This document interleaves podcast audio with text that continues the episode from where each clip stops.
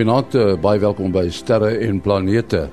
Ons het ons span weer gereed, uh, wat die koorts van die SAAO en professor Mati Hofman van die Digitale Planetarium en die Universiteit van die Vrystaat.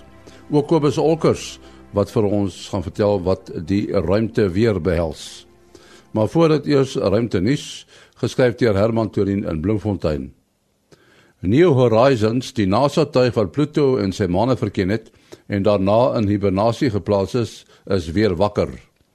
Dit is net 'n tydelike wakker word sodat die instrumente getoets kan word. Die tuig sal op 22 Desember weer in hibernasie geplaas word en dan 3 maande voordat sy volgende bestemming bereik, weer wakker gemaak word. New Horizons is nou onderweg na 'n voorwerp in die Kuipergordel, bekend as 2014 MU69. Hy sal sy volgende bestemming op Nuwejaarsdag 2019 bereik. Eers dan sal vasgestel kan word of 2014 MI69 'n enkele voorwerp is of twee voorwerpe wat op mekaar wentel. 2014 MI69 is 6,5 miljard kilometer van die aarde af. Nuwe navorsing dui daarop dat daar veel meer water in die maan se bodem vasgevang is as wat voorheen gemeen is. Die natheid is pas gekarteer. Oor die algemeen neem die waterinhoud wel af van die pore na die ewenaar, behalwe waar daar vulkaniese reste is wat ook neig om natter te wees as die gemiddeld. Teen tussen 500 en 750 eenhede water per miljoen is die maan nou wel nie sopnat nie. Die tegnologie om hierdie water te onttrek moet nog ontwikkel word. Die navorsing is gedoen deur navorsers van die Brown Universiteit en hulle het NASA se Moon Mineralogy Mapper instrument gebruik. Die instrument kan net lesings in die boonste paar millimeter van die oppervlak doen en ook net in daglig. Die kans is dus goed dat die maan selfs nog natter mag wees as wat die huidige ondersoek laat blyk. Tot sover aan ruimte nuus vir ons geskryf deur Herman Torin in Bloemfontein. Hier is Kobus Olkers dan met ruimte weer. Goeienaand en goeienaand luisteraars. Ja nee, behalwe vir 'n korona gat of twee is die son hierdie week redelik stil. So kom ons spring val net sommer maar met deur in die huis. En ons kyk, ons het nog steeds ons kroon korona gat by die noordpool. Sy effek sal sal eintlik teen teen later vanaand vroeg vanoggend verby wees. Maar daar is reeds 'n ander uh korona gaatjie in die suidelike halfrond van die son op pad om om geo-effektief te raak. En sy effek gaan ons hier so skat ek van Dinsdag se koers af begin voel. Dit is 'n redelike lang maar korona gat en as ek so kyk dan lyk dit my sy polariteit is negatief. So selfs al is hy klein kan hy dus 'n bietjie uh, geomagnetiese versteurings veroorsaak. Maar niks wat ons ons normale dienste aanbetref nie. Geen magnetiese geen uh, elektriese elektrisiteitsversteurings of GPS of enige van die soort van ding nie. Dan het ons twee aktiewe areas op die son Beide van hulle is uh hoegenaamd nie kompleks nie. Die een is 'n mooi verspreide dipool, die ander een lyk amper na 'n monopool en daar is bitter min in die gang daar, so geen probleme daar verwag nie. Ons het 'n filament wat so oor die dwars oor die son loop in die noordelike halfrond. Die ouetjie lyk asof hy dalk 'n bietjie kan onstabiel wees, maar ek dink hy sit te ver noord dat selfs al word hy losgelaat, uh sal hy nie invloed hê op die aarde nie. Dan die enigste verdere nuus is ek sien dit lyk vir my daar is 'n aktiewe areaetjie op pad oor die rand van die son. Hy is nou net oor die horison van die son. Hy sê ons sal hom in volgende week sien. Ek noem maar hom noem hom maar net uh, maar ons sal volgende week eers eintlik uh, enige effekte van hom af sien laat in hierdie week of vroeg in volgende week. Nou ja, dit is ons storie vir vanaand. Goeienaand. Dankie, Kobus Olkers daar in Florida. En voor ons met die uh, span gesels, wil ek net luister na 'n uh, opname wat ek gemaak het met uh, Dr. Japie van Sail pas nadat die Cassini ruimtetuig in die atmosfeer van Saturnus vasgevlieg het. En dit was uh, vir die mense daar by die Jet Propulsion Laboratory nogal 'n emosionele oomblik. Ja nee, kyk, dit is uh, dit is natuurlik as 'n mens vir uh, vir 20 jaar of meer met so 'n sending betrokke was dan is dit nou nie, nie sonder weemoed wat 'n mens tot sien sê vir dit nie, né? So dit was maar 'n bietjie vir ons 'n emosionele oomblik geweest.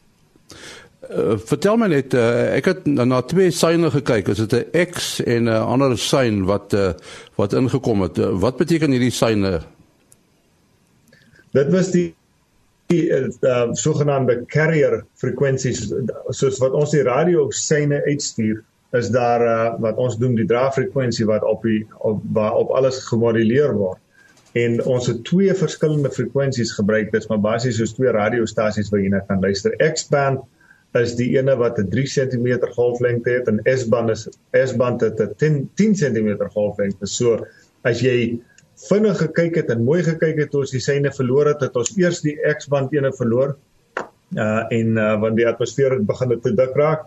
En toe het ons die die lae frekwensie sy in die S-band ook verloor uh, binne 'n paar sekondes daarna. Uh, hierdie atmosfeer se sogenaamde dikte, uh, het julle dit vooraf bepaal?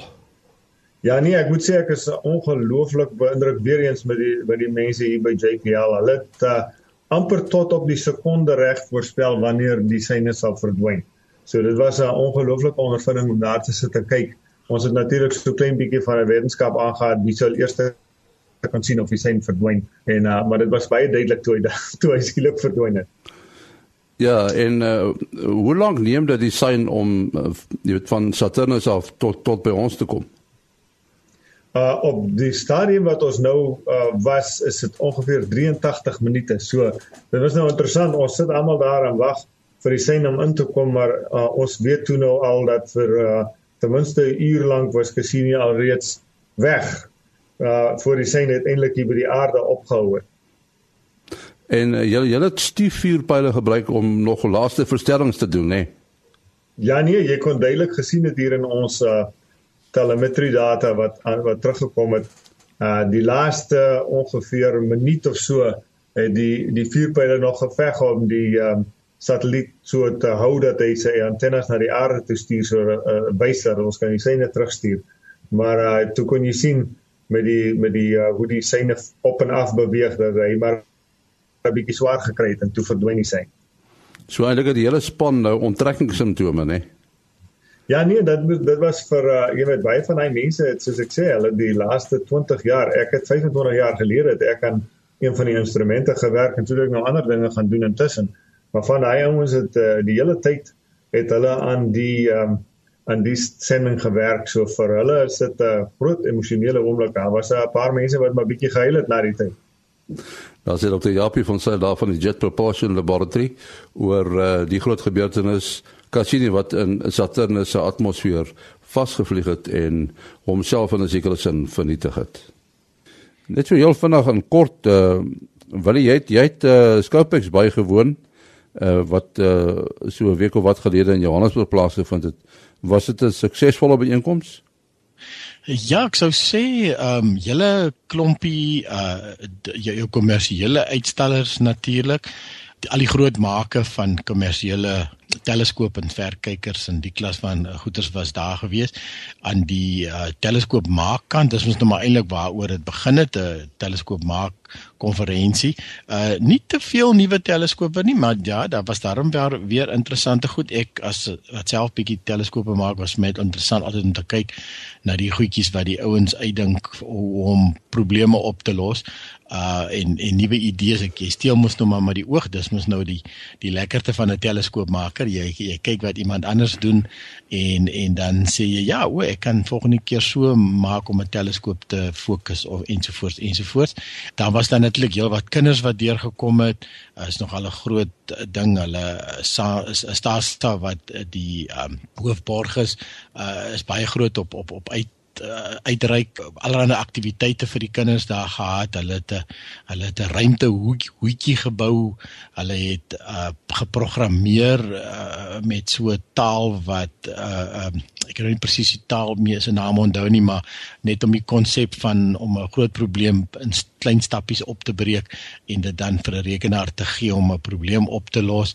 En uh, ja, en dan natuurlik die die klompie praatjies. Ek self uh, was toe uiteindelik die die die die hoofspreker gewees bietjie in die verlede ingeduik oor want vir jare is mos nou die 60ste jaar uh, van uh, die ruimte uh, begin van die ruimte eeu die spraakjies het maar alles meestal rondom dit gegaan so ek nou 'n bietjie gesels oor die vroeë dae van satellietopsporing en, natuurlik ons groot vriend Greg Roberts wat nou maar eintlik die, die die groot persoon is wat eintlik daar moes gewees het maar sy situasie is nou nie meer heeltemal lekker dat hy dat hy wil wil reis mee nie uh, uh so die praatjie was dan goed goed ontvang en en ehm um, en dink met die die mense het geniet. Ek het natuurlik my praatjie maar op artikels wat uh, Greg geskryf het uh geskoei want ek is gebore net na Sputnik opgegaan het so ek sal nou nie vreeslik weet daarvan nie.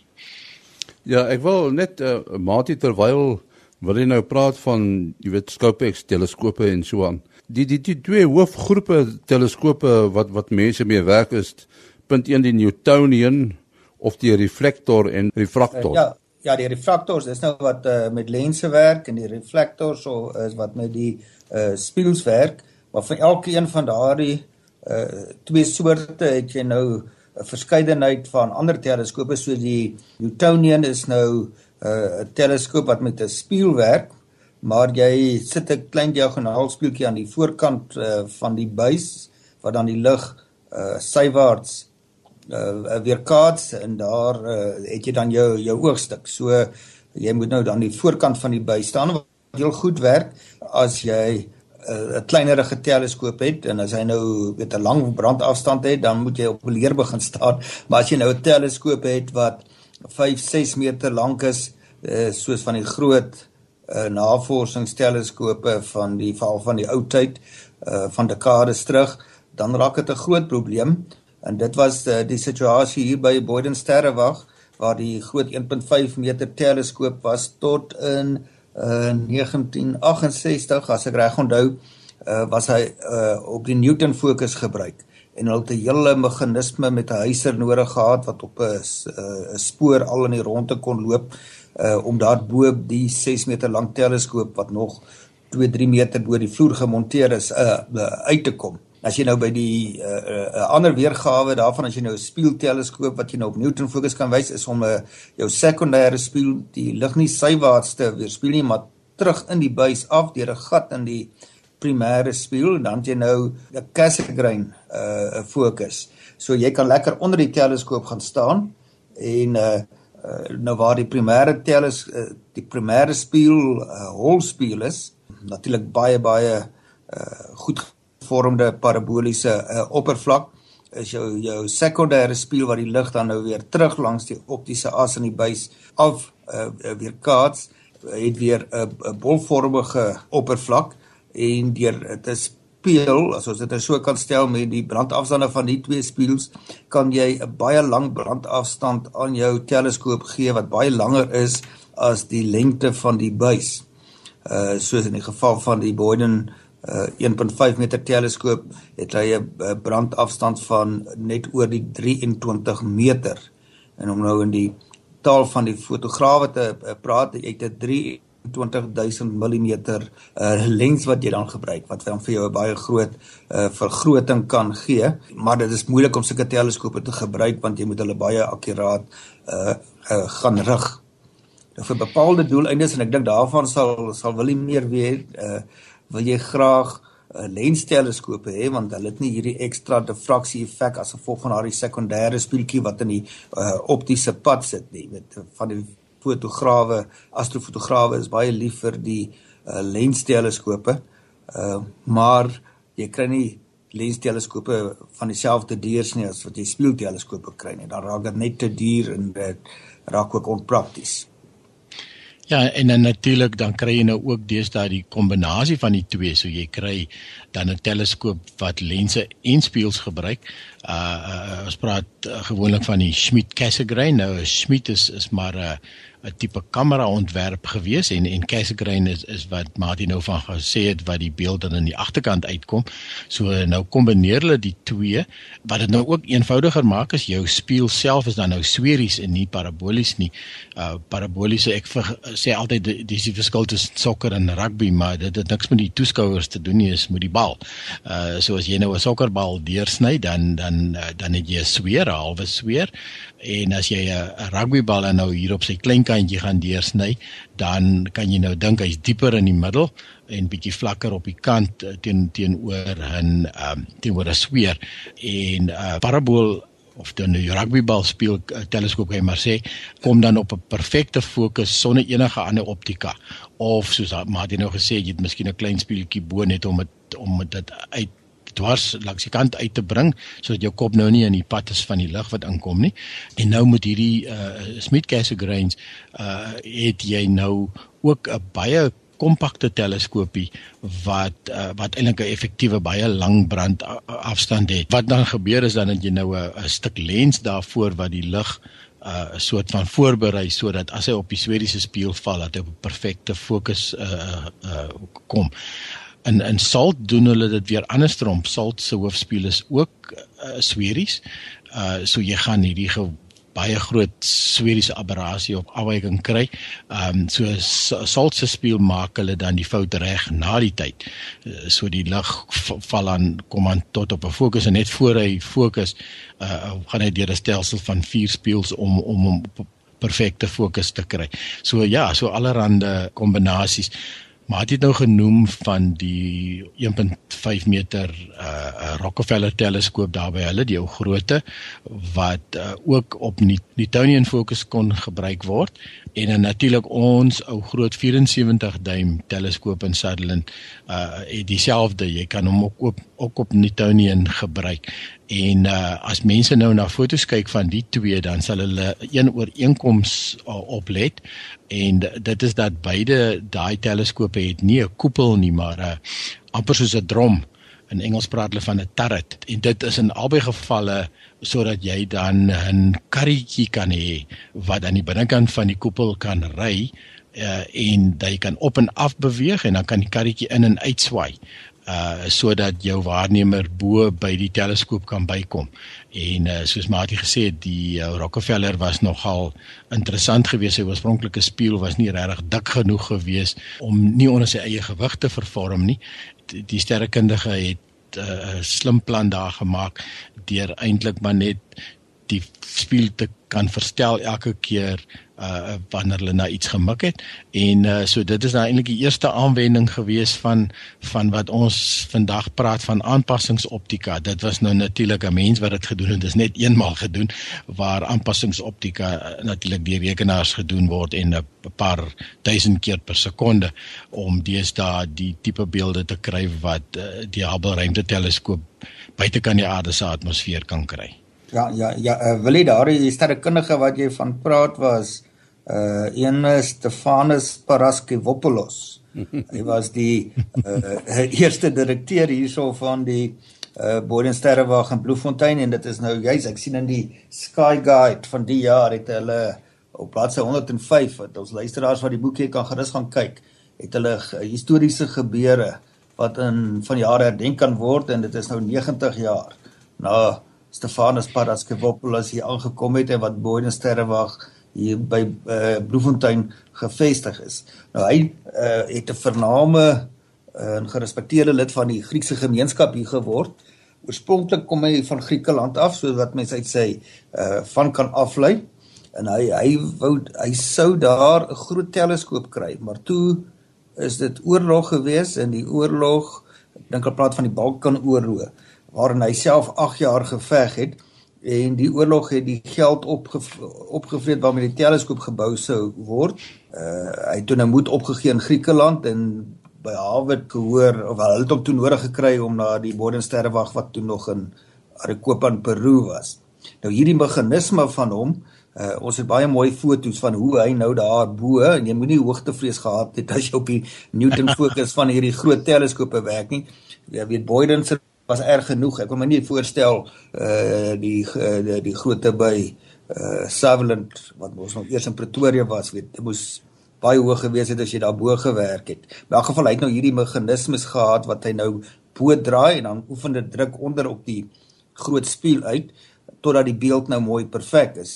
En uh, uh dit was eintlik 'n baie innoverende uh aanwending want deesdae kan jy mos nou dun spieëls maak en nou wou dit publiseer maar sy direkteur by Harvard, Harlow Shapley, wou nie hy moet dit publiseer nie want dan moes hy mos nou in die openbaar praat oor 'n probleem wat hulle teleskope het en dis nou nie iets wat jy in openbaar moet praat as die vernaamste teleskoop in die suidelike halfrond wat uh, Shapley daarna verwys het 'n probleem het. Dieselfde Skyguide wat uh, Martin nou van gepraat het, uh, het dit ook vir ons gewys dat die Radcliffe teleskoop uh, wat nou die 74 duim is wat ek nou van gepraat het wat nou in Sutherland staan vandag, uh, is ook 80 jaar oud. Die datum op die teleskoop is eintlik 1938, so sal seker eintlik volgende jaar, maar hy was al was al in in in aanbou op daai op daai stadium. Uh en dit was oorspronklik natuurlik daar by Fort Klapperkop uh, naby Pretoria gebou gewees en uh toe in uh, in 1976 het die uh st die sterrewag toegemaak daarso en en is die is die teleskoop Sutherland toe verskuif waar hy waar hy vandag nog werk. So is 'n ou werkesel. Uh sterkende is is is jou instrumente raak baie oud. Uh, hulle kan baie jare aangaan, maar natuurlik ons hou hulle uh, nog mededingend omdat ons gedurig maar dit opgradeer. Ons het nou weer 'n groot opgraderingsprojek aan beide ons twee ou teleskope die die die uh die, die 38 Radcliffe teleskoop en 1963 40 duim teleskoop het ons nou albei geautomatiseer en hulle kan jy nou op die internet vanaf enige plek in die wêreld kan jy hulle nou beheer. So uh, dit is net ongelooflik met moderne tegnologie hoe jy sulke ou toerusting aan die gang kan hou. Die teleskoop self is eintlik mos maar net 'n 'n light bucket soos hulle in Engels sê is net 'n manier om lig bymekaar te kry en en wat jy dan met die lig maak is natuurlik die belangrike ding. So die instrumentasie wat nou eintlik die werk doen op die teleskope die word ook gedurig vir nuwe instrumente wat ons bou um nuwe tegnieke wat aangewend word. En uh, ons is nogal baie maal gelukkig om van die nuutste tegnologie te te kan aanwend in in in sterrekunde en natuurlik die uh, CCD kamera uh, wat ons vandag in ons selfone en ons digitale kameras het. Uh in ons oudste digitale kamera wat ons by die sterrewag in Sutherland al begin gebruik het was 1982 so uh, ons gebruik al digitale kameras baie baie lank. En uh, die tegnologie is dan deur sterrekunde gedruk en gepromoveer uh, tot die amper 'n perfekte detektor uh en en was dit nie die dryfveer van van sterrekundiges wat gedurig dieper en dieper in die ruimte wil inkyk waar dowwer en dowwer goeder sit uh het het aandeling gegee om om die tegnologie te ontwikkel. Die laaste 15 jaar of so het dit nou bekostigbaar geraak dat uh, mense dit vandag in in ons digitale kameras kan kan aanwend uh, ja, toe klein tyd ons het hier in Pretoria groot geword het, het dan die voorreg gehad om uh, na 'n planeet te kyk. Ek dink was nog Saturnus deur die Radcliffe teleskoop hier op wow. Klapperkop hier so so suid suid van uh, Pretoria. Uh, ja, en en die straatname is nog ja, almal Ja, almal die uh, stername. Dis dis ja, korrek, ja. Ja, ja. ja. Mati, ek wil 'n um, spring na heeltemal 'n ander onderwerp. Ons praat baie in in die program van die verskillende soorte atmosfere wat 'n mens kry by uh, by planete en dan word uh, ja ek, ek wil amper sê dan word die die gasse genoem wat 'n mens in die atmosfeer kry. Ons kyk nou byvoorbeeld na swaal uh, die atmosfeer van Venus en nou sê hulle titaniumoksied ook by 'n planeet gekry. So dit lyk my dis maar 'n giftige omgewing, né?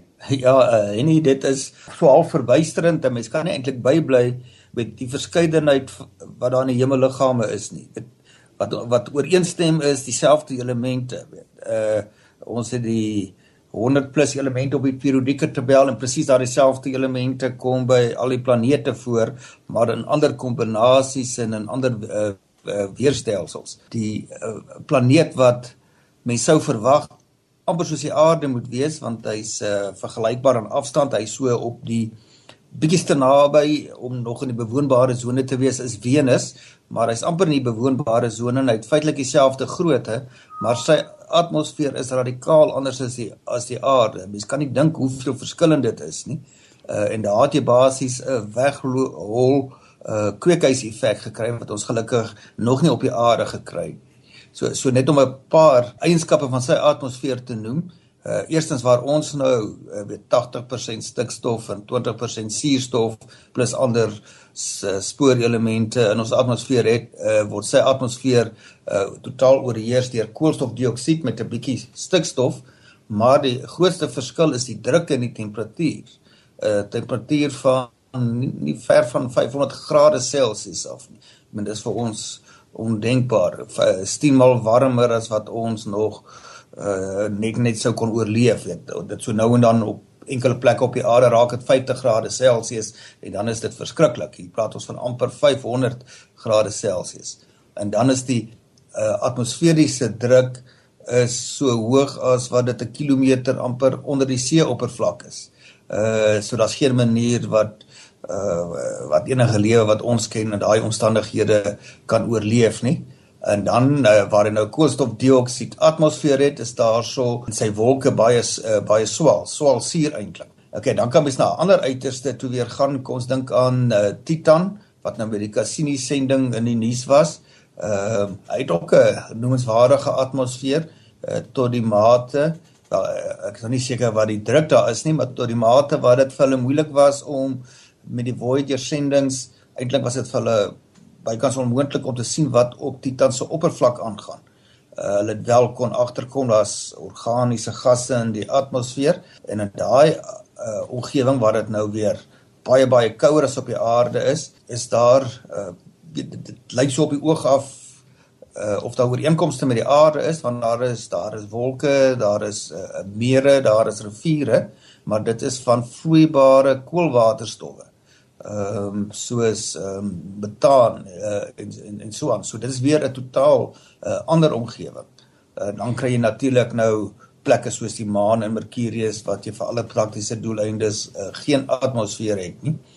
En uh dis nou een van die opwindende velde uh vir die volgende uh, dekade en meer uh met al die eksoplanete wat ons nou laasweek ook na verwys het wat nou ontdek is veral die aardagtiges as ons eh, wel kos praat van eerder van die rotsagtiges wat in omgewings vanaf hulle sterre is wat dit in die uh, plaas in omgewing soortgelyk aan die aarde relatief tot uh, ons son waar vloeibare water sou kon bestaan waar atmosfere uh, behoue sou kon bly. Dis 'n planeet te naby aan sy ster is dan gaan die sterwind In ons geval praat ons mos van die sonwind gaan die atmosfeer totaal uh wegdryf. En die aanduidings baie vroegtydige aanduidings sover van die bietjie inligting wat hulle van enkele atmosfere kon kry is wel hulle weet daar's water, waterdamp, hulle weet daar is suurstof, so daar gaan ooreenkomste wees, maar uh die verskille sal seker ook baie wees en uh